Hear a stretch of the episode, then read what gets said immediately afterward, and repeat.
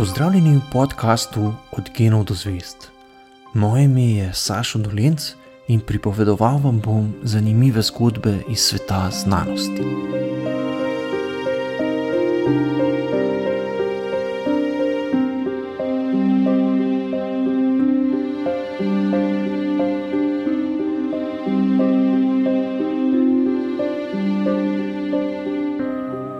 Velikonočni otok sredi južnega dela Pacifika je eden najbolj odročnih krajev našega planeta, ki so ga za stalno naselili ljudje že pred prihodom Evropejcev.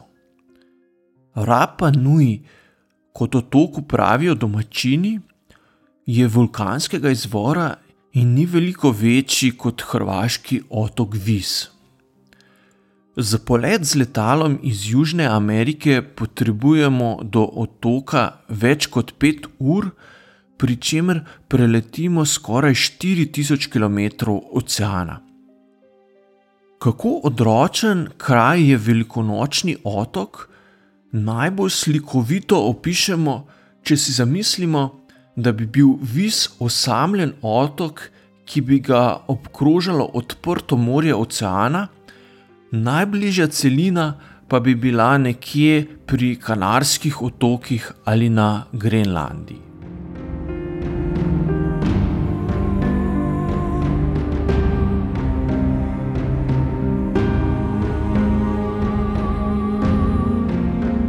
Arheološka izkopavanja na velikonočnem otoku so pokazala, da so ljudje prispeli na otok prek drugih polinezijskih otokov že v času, ko je v Evropi propadal rimski imperij. Največji razcvet je tamkajšnja kultura doživela po letu 1000, ko je na tem majhnem odročnem pacifiškem otoku živelo več kot 10 tisoč ljudi.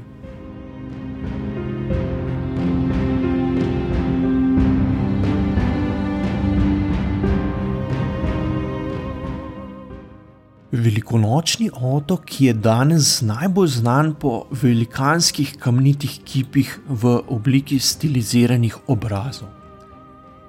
A že ko je nizozemski kapitan Jakob Rogeven na veliko noč leta 1722 kot prvi evropejec zagledal otok, se je vprašal, kako neki so lahko domačini postavili toliko več deset ton težkih in tudi dobrih deset metrov visokih kamnitih kipov, ko pa na otoku ni dreves. Skrivnost teh mogočnih kamnitih kipov je pred nekaj desetletji pojasnila študija, ki je pokazala, da je bil otok nekoč povsem porasel s palmami, ki pa so jih domačini počasi posekali. Ko so otok v začetku 18. stoletja odkrili nizozemski pomorščaki, je bil že povsem gov. Z iztrebljenjem gozda so domačini z otoka pregnali tudi ptice. Arheološka izkopavanja so pokazala, da je nekoč na otoku živelo vsaj šest vrst kopenskih in 25 vrst morskih ptic. Hkrati je brez palmovih dreves postalo nemogoče tudi izdelovati dovolj kakovostne kanuje, da bi z njimi lahko hodili na odprto morje in se še naprej preživljali z ribolovom. Drevesa so bila vsekakor ključna naravna dobrina, ki je domačinom na otoku omogočala gradno kanujev, postavljanje kipov, kurjenje ognja nabiranje sadja, zaščito za gnezdenje ptic in še marsikaj drugega. Kako to, da so domačini le nekaj desetletij, preden so otok odkrili evropejci, posekali prav vsa drevesa?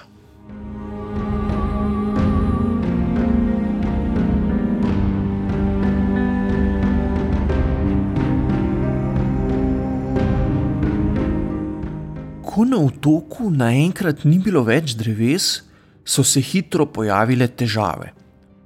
Po ustnem izročilu domačinov je okoli leta 1680 na otoku izbruhnila revolucija.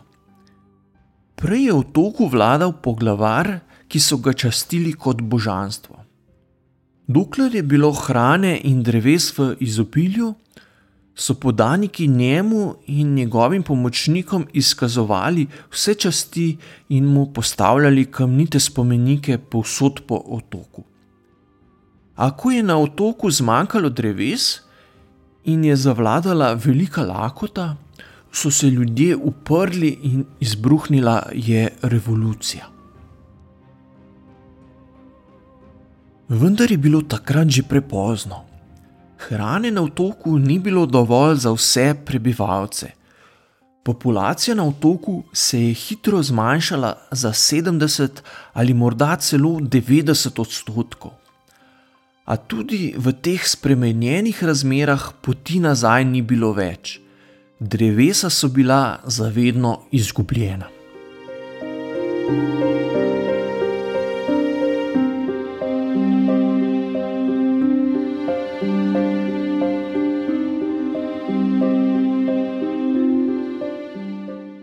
V svoji odmevni knjigi Propad civilizacij Jared Diamond predstavi velikonočni otok kot primer civilizacije, ki je propadla prav zaradi prevelikega izkoriščanja za nje ključnih naravnih dobrin. Sprašuje se, kaj neki je premišljeval tisti domačin, ki je posekal zadnje drevo na otoku kaj so si o vsem skupaj mislili drugi otočani? So sploh kaj mislili? Je morda otočan, ko je sekal zadnje drevo, utemeljeval svojo odločitev s tem, da bi ustavitev sekanja lahko škodovala otoški ekonomiji? Ali da ni dovolj dokazov, ki bi nedvoumno pokazali, da bo prišlo do katastrofe, če ne bodo prenehali sekati dreves. Morda je bilo drevo pač njegovo in je bila njegova lastninska pravica, da ga lahko poseka.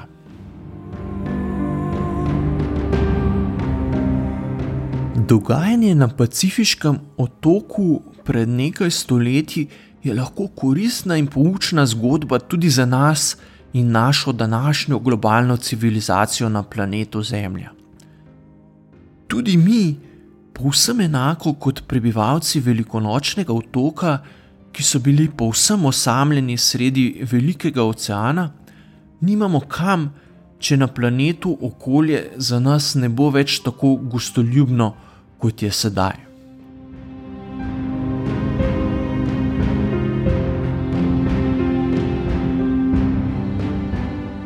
A vsakdo seveda najprej pomisli, da je naš planet veliko večji kot majhen otoček sredi oceana. Ali se vpliv človeka na okolje nekako ne porazgobi po vsej velikanski zemeljski obli? Naš planet res ni majhen, a vsaj glede debeline atmosfere imamo običajno povsem napačno predstavo. Če Zemljo predstavimo z globusom, ustreza atmosferi zgolj debelina lakaste lazure na površini plastične krogle, porisane s kontinenti in oceani.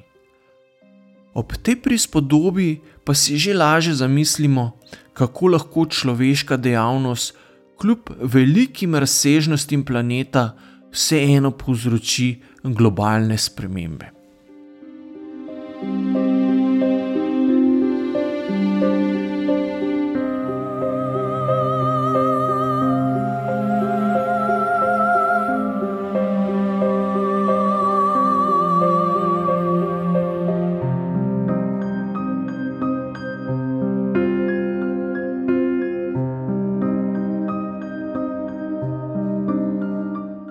Leta 1958 je Charles David Kelling začel na vrhu enega od havajskih spečjih vulkanov meriti vsebnost oglikovega dioksida v atmosferi.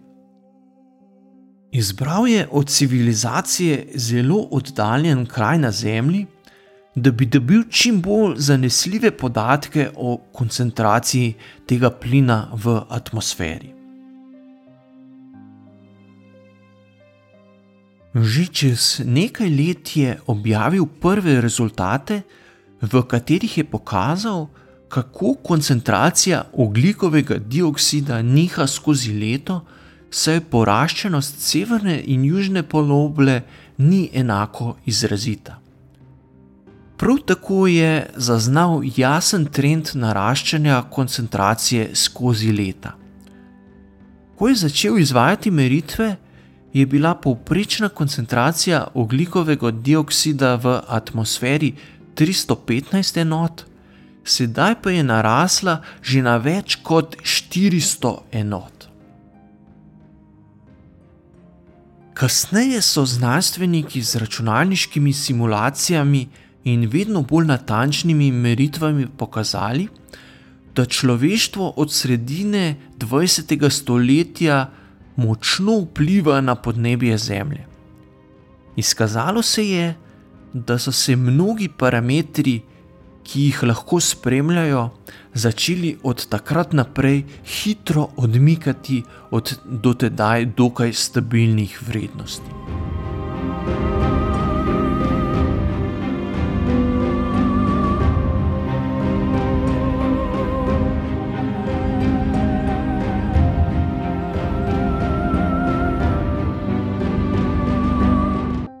Danes se čudimo, kako nespametni so bili prebivalci velikonočnega otoka, ko niso znali predvideti, kaj vse se bo za njih spremenilo, ko na otoku ne bo več dreves. Čeprav se nam zdi, da smo danes pametnejši in bolj odgovorni, pa vseeno nikako nočemo razumeti, da je naše kurjenje fosilnih goriv in izpuščanje toplogrednih plinov v ozračje zelo podobno početju prebivalcev velikonočnega otoka. Podobno kot oni niso razmišljali o tem, kaj se bo zgodilo, ko bodo posekali zadnje drevo, se tudi mi nočemo resno soočiti s posledicami, do katerih bo prišlo, če bomo še naprej povečevali koncentracijo toplogrednih plinov v atmosferi.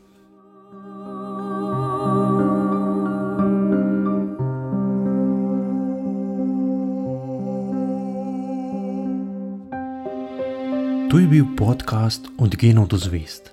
Moje ime je Sašo Dolenc in z novo zgodbo se vam oglasim že k malu.